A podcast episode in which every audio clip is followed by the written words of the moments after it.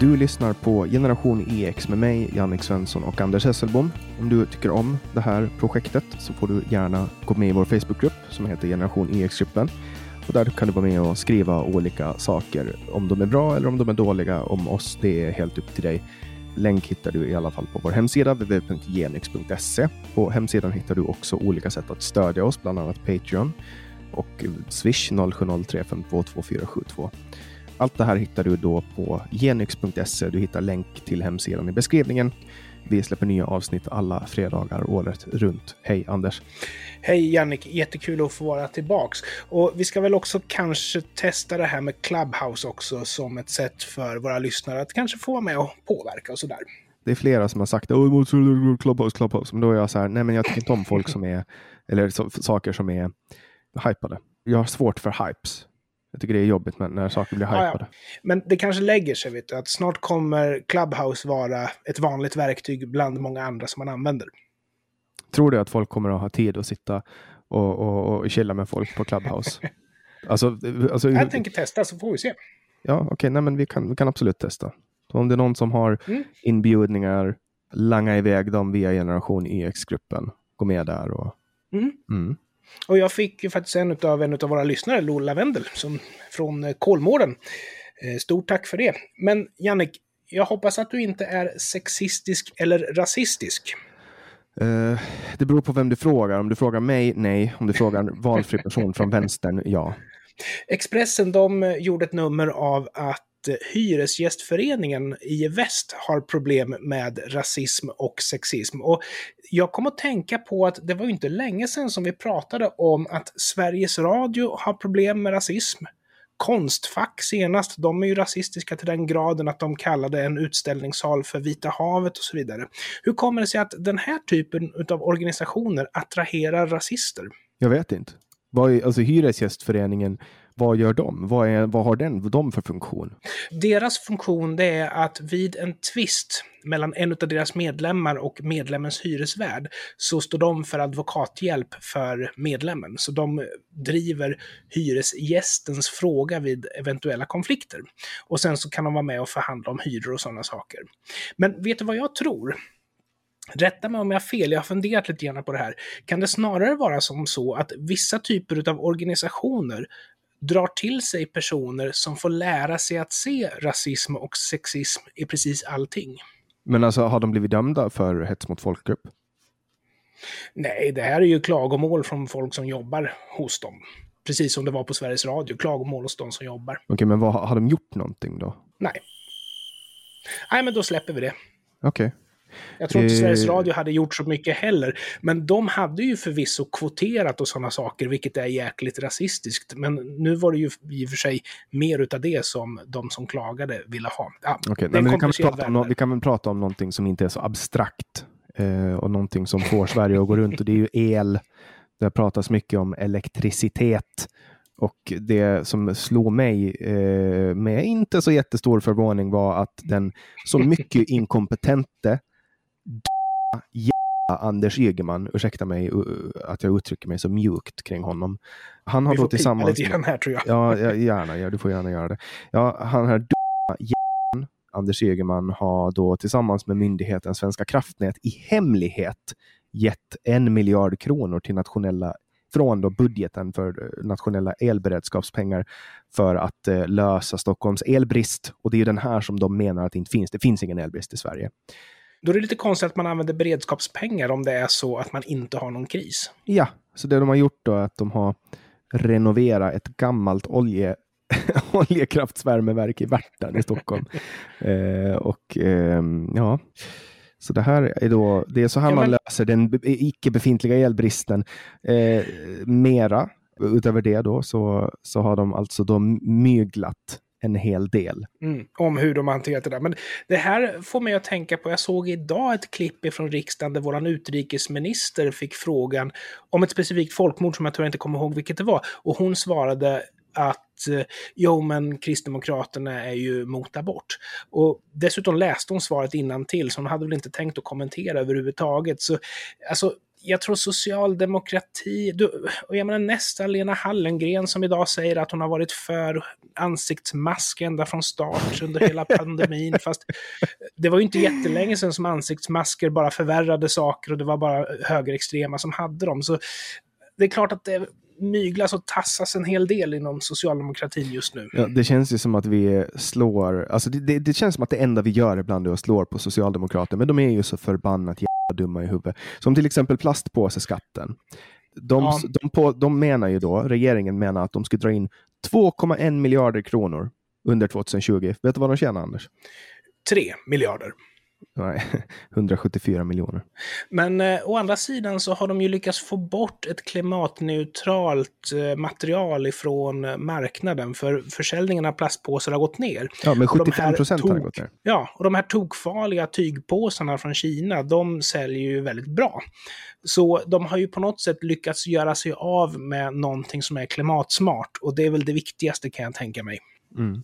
Nej, men eh, alltså det, det är väl signalvärdet. Alla märker det alla känner av det och så. Och, och det här är ju... Och samtidigt får de ju tåla att vi hackar på dem, för de sitter ju faktiskt i regeringsställning. Och sitter man i regeringsställning, då ska man ju faktiskt lära sig att bli genomlyst. Och en fördel med att vi rackar ner på dem när de gör fel är ju att de kanske blir bättre. Vi, vi gör dem en tjänst helt enkelt. Ja, men alltså jag tror att det är inkompetenta sossar. Det finns ju kompetenta sossar i Finland det finns ju vettiga sossar alltså.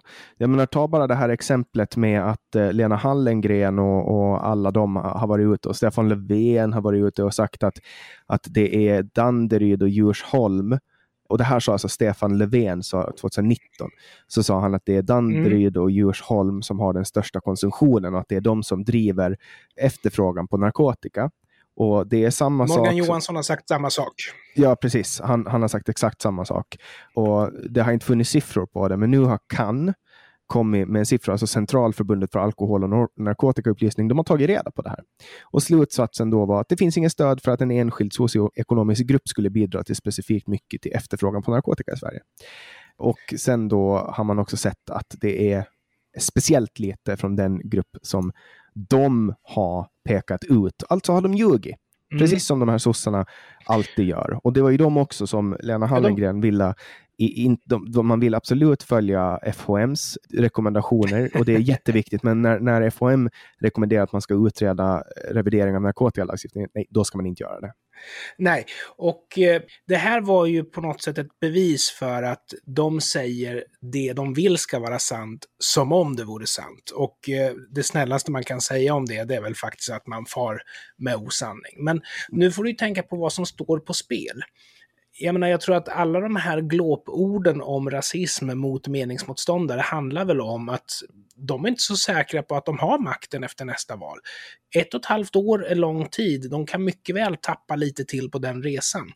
Och eh, jag kommer ihåg specifikt när Ingvar Carlsson förlorade valet och han sa det här valet har alldeles för få vinnare och alldeles för många förlorare, sa han. Så jag tror att det handlar om att folket ska rösta rätt. Var det inte Ingvar Carlsson som jämförde det med en statskupp? Nej, det var inte Ingvar Carlsson. Det var betydligt färskare än så.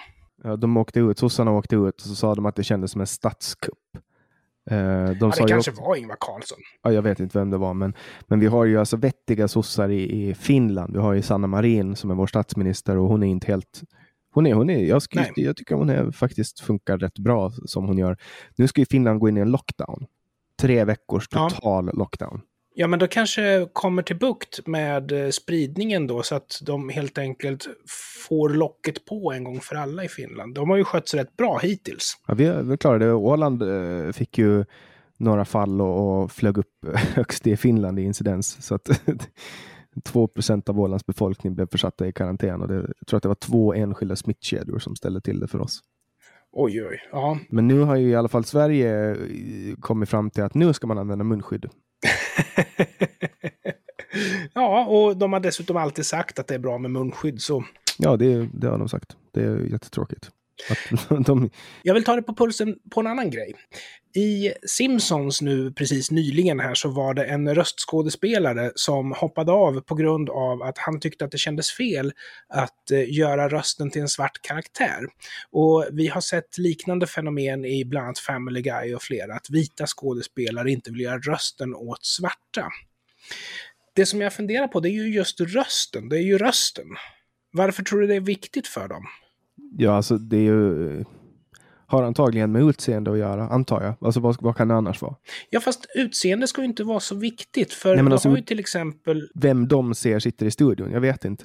Det är inte första gången det här är på tapeten. När man tar Anne Boleyn, som var vit, spelas av en svart skådespelerska som syns framför kameran. Så jag menar, där är det ju inte bara rösten. Hade, hade likhet varit viktigt så hade det ju varit viktigt när kameran är påslagen, inte bara när man sitter med en mikrofon uppkörd i nyllet liksom. Mm. Nej, men det är väl identitetspolitik. Alltså, man, det, där, det där är ju ungefär som eh, det där är ju ungefär som, som uh, vilket läkemedel som helst. Så att du Mm. bryter eh, ryggen och, och får någon form av eh, morfin utskrivet. Då börjar du på en dos, men sen måste höja dosen hela tiden för att kunna behålla samma smärtstillande nivå. Och till sist sitter du med fyra gånger högre, kanske tio gånger högre grunddosen och får en liknande effekt. Så att man måste ju göra hårdare och hårdare tilltag och så är det ju med, med identitetspolitik också, antar jag.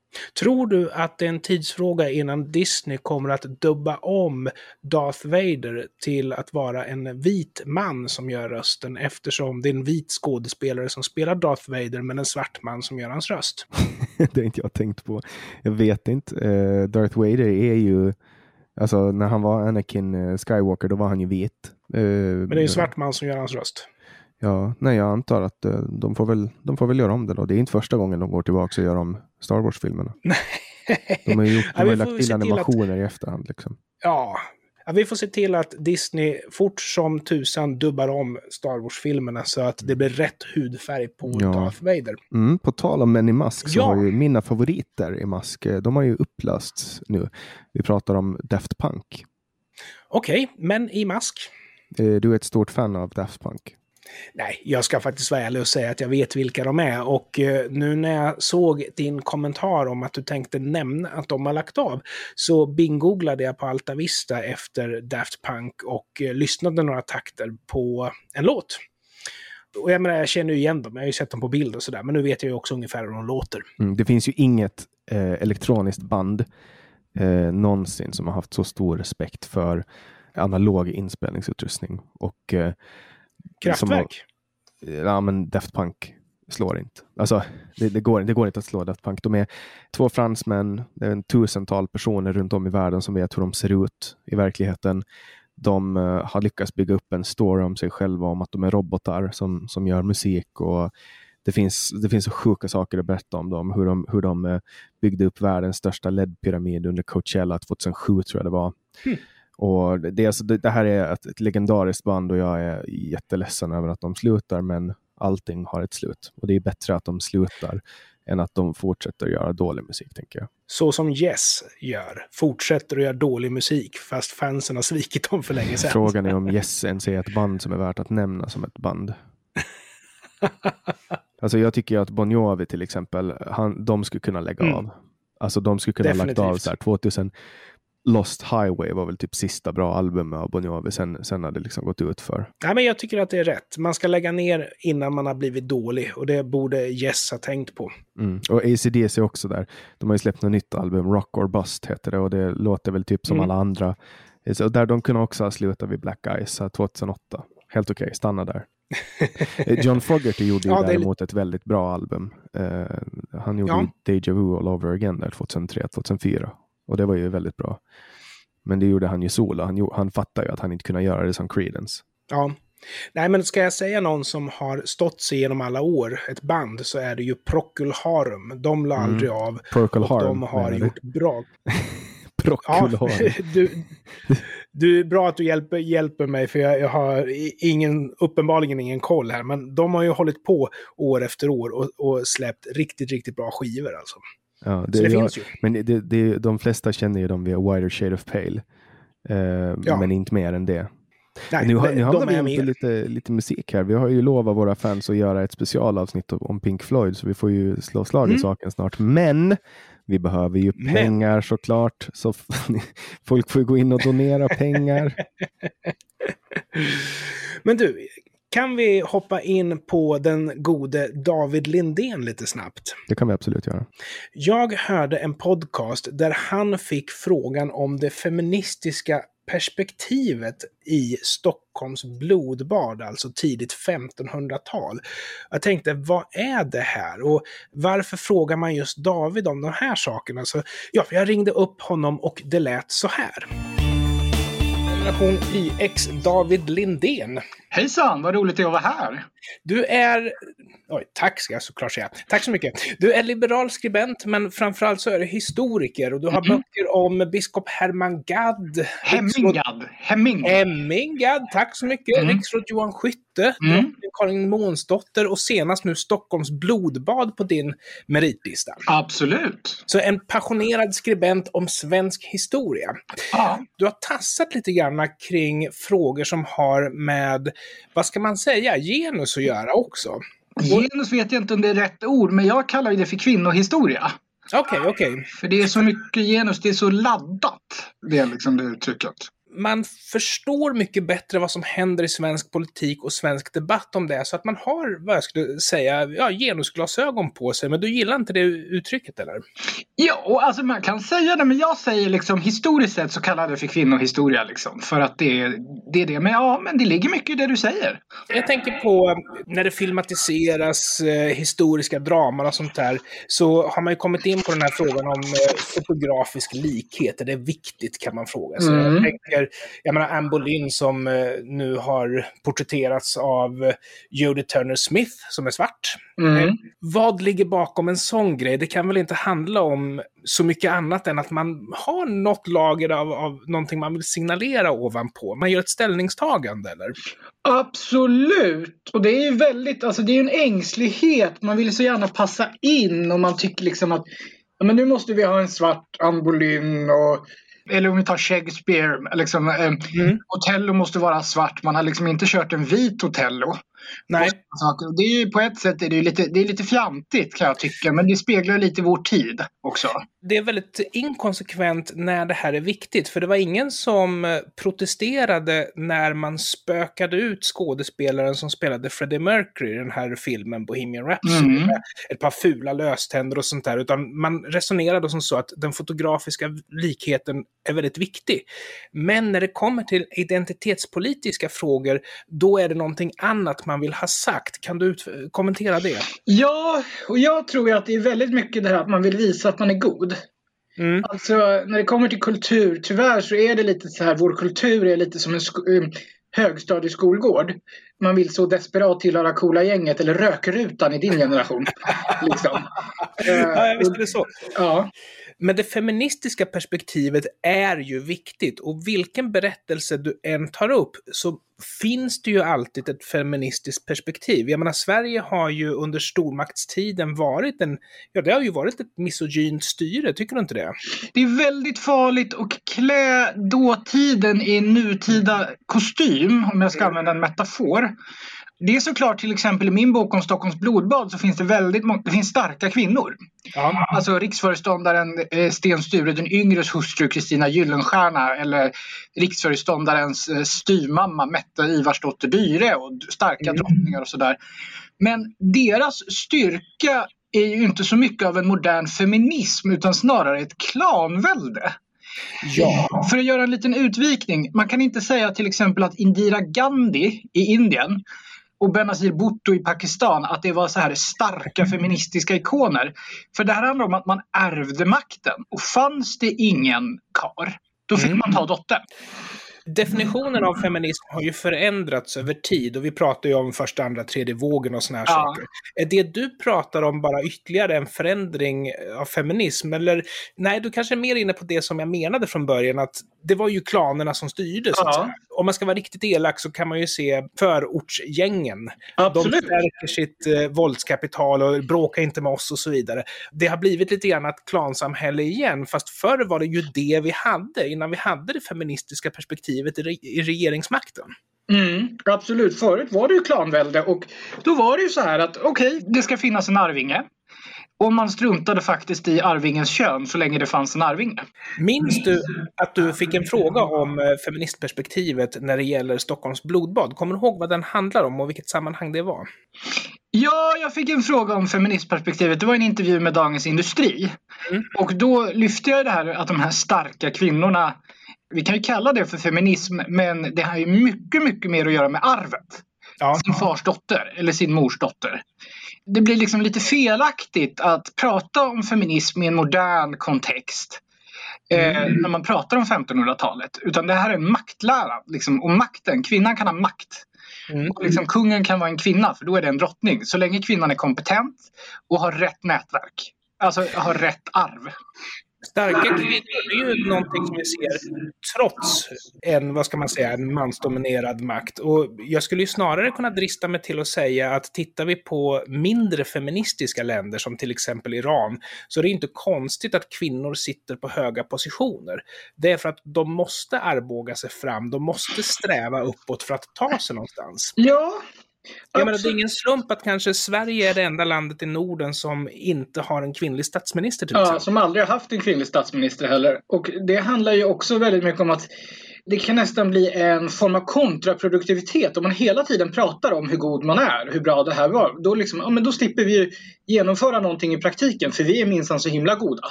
Ja, jag tror att det är lite grann ett dilemma, för det råder inga tvivel om att det feministiska samhället, att alla ska ha samma förutsättningar utifrån hur mycket man stoppar in, så att säga, mm. är någonting positivt. Men vi ser ju också ett tydligt glastak i det feministiska Sverige idag.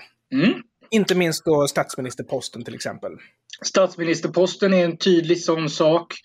Och sen så ser vi också att i de miljöerna där man inte säger, tycker att det är så feministiskt. Näringslivet, vi har ju ganska höga näringslivstoppar som är kvinnor. Kristina mm. Stenbeck mm. till exempel.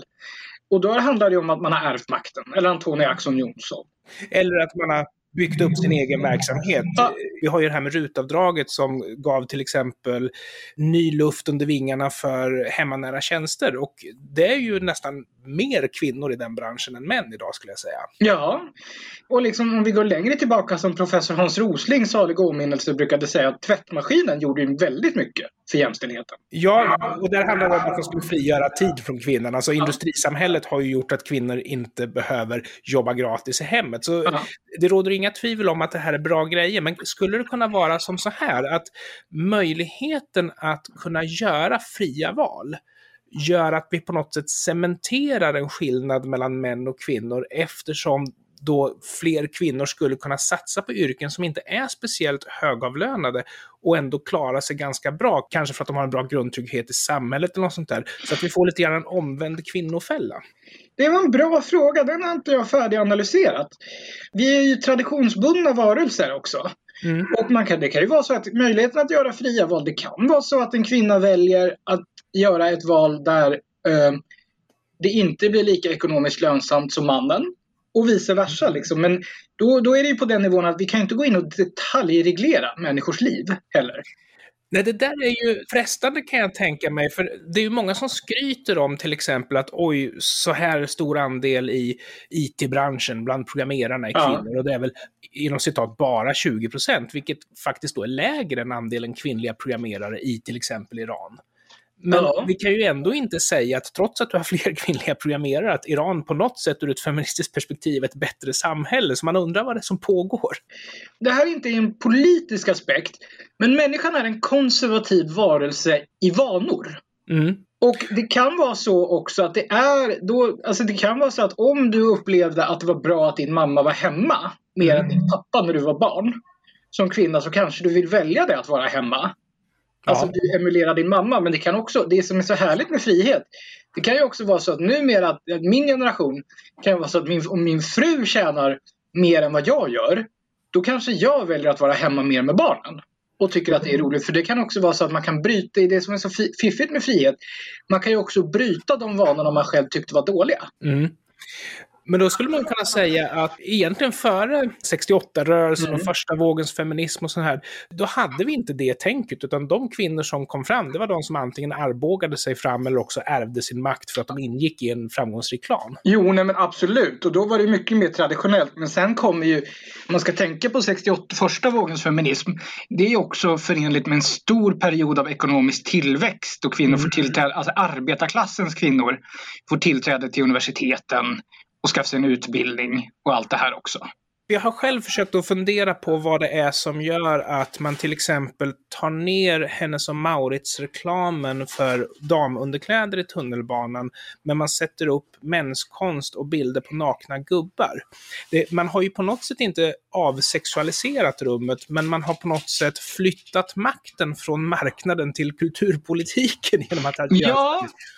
Jo men så är det ju. Så är det. Varför är det bättre kan man ju undra. Det är ju absolut inte bättre. Det är ju samma sak. Jag menar, om man tycker att det är jobbigt med damunderkläder i tunnelbanan, i så fall i konsekvensens namn, då borde man ju tycka det är jobbigt med de här hunkiga kalsongmodellerna också. Fast kulturen tror jag betraktas lite grann som en nyckel. Vi vet ju om att i Sverige att eh, film görs ju inte på marknaden. Marknaden är för liten och för hårt mm. beskattad. Så det är ju staten som delar ut bidrag, mm. Svenska Filminstitutet och sådär. Mm. Och eh, de har ju en vision av vad de vill se och inte vill se. Jag tänkte senast på den här filmen som heter, en dansk film som heter En förskräcklig kvinna.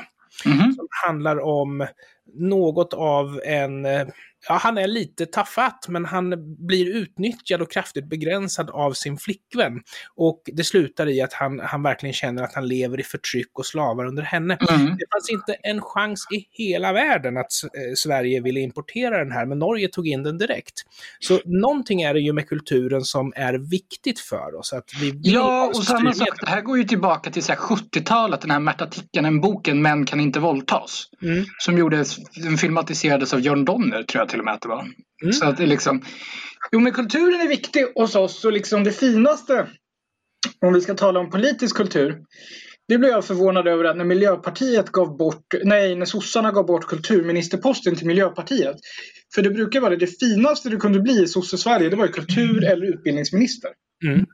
Du måste ju ha bildat dig en uppfattning om identitetspolitik på grund av att du är adopterad. Mm. Absolut, och då är det så här, det kan vara... Jag är väldigt anti-identitetspolitik för det är ofta så här för att människor liksom...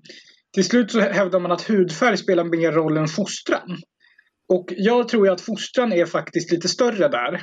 Och det noterade jag, alltså jag är ju väldigt, väldigt svensk. Mm. Så att jag inte ser väldigt svensk ut. Till exempel. Det är ju många adopterade som blir väldigt, väldigt svenska för vi kommer ju liksom rakt in i den svenska kulturen jag har ju knappt något ben i den indiska kulturen överhuvudtaget. Till exempel. De pratar om eh, andelen utlandsfödda som jobbar på Sveriges Radio och sådana här saker mm. med anledning att man vill att alla ska representera och att Sveriges Radio ska se ut så som Sverige ser ut. Det jag funderar på det är att finns det inte alltid en risk att man kvoteras på grund av attribut som andra sätter på dig snarare än hur du själv identifierar dig själv. Absolut! Och speciellt då inom statliga arbeten. För jag tycker det är bara konstigt att Sveriges Radio, vadå? Det spelar väl ingen roll om jag är mörkhyad och journalist? Mm. Om jag är radiojournalist. Ingen kan ju relatera till det liksom. Min hudfärg syns ju inte i etern. För söker man kompetens, då får man mångfald till slut. Ja. Jag tror att, att det självreglerar på det sättet. Ja. Jag ser ju det här från ett annat perspektiv, därför att jag kan å ena sidan hamna i diskussion där man hävdar sin rätt till sin könsidentitet. Mm. Sen så kan mina invändningar bemötas med att ja, men du som är vit cisman, du kan inte begripa det här. Mm. Då är frågan, kan inte jag också få identifiera mig som vad jag vill? Eller, eller är vit cisman det enda som man inte får bestämma över? Ja, men det är väl ungefär det. Det är ju det som är så farligt. Och liksom, du kan inte begripa det här. Det är ju totalt oempatiskt för att då tar man ju bort stora delar av världslitteraturen. Bra sagt, bra sagt. Jag har förstått att det här är ju inte ditt ämne, utan det var bara det att frågan hade lyfts så jag tyckte det var intressant att ta upp det med dig. Och speciellt då med tanke på att du har ju en annan hudfärg trots att du är pursvensk. Det var kul att höra dina tankar om det. Mm du vill tillägga innan vi avrundar? Ja, men ta en sån sak. Alltså, det här med att kräva att du ska liksom vara någonting för att kunna skildra det är ju bara barockt. Liksom. Då kan man, Joseph Conrad var polsk invandrare i London och skrev boken Mörkrets hjärta som var den bästa om kolonialismen. Han var inte svart överhuvudtaget. Liksom. Mycket bra. David Lindén, tack så hemskt mycket för vänligheten och att du tog dig tid att prata med oss i Generation IX. Det var jätteroligt att vara här. Hej då. Hej då. Tack för det. Intressant. Ja, mycket intressant. Han är ju en otroligt kunnig man och han har väldigt många strängar på sin lyra. Så det är ju en stor ära för oss att få ha med honom i våran podcast. Stort tack David! Jättestort tack för att du hakar på oss i Generation EX. Och för alla som vill fortsätta ta vid och kanske kommentera det David sa får jättegärna gå med i eh, samtalsgruppen eller samtal, diskussionsgruppen för Generation EX då, som heter Generation EX-gruppen och länk hittar ni på hemsidan www.genex.se.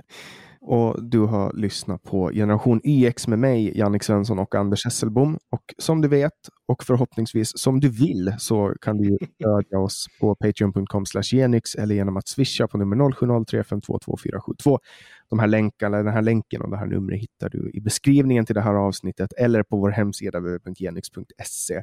Du får ju också jättegärna gå med i vår Facebookgrupp Generation YX-gruppen. E Tack för idag Anders och fan trevlig helg! Jag vill önska detsamma. Vi hörs om en vecka. Hej då!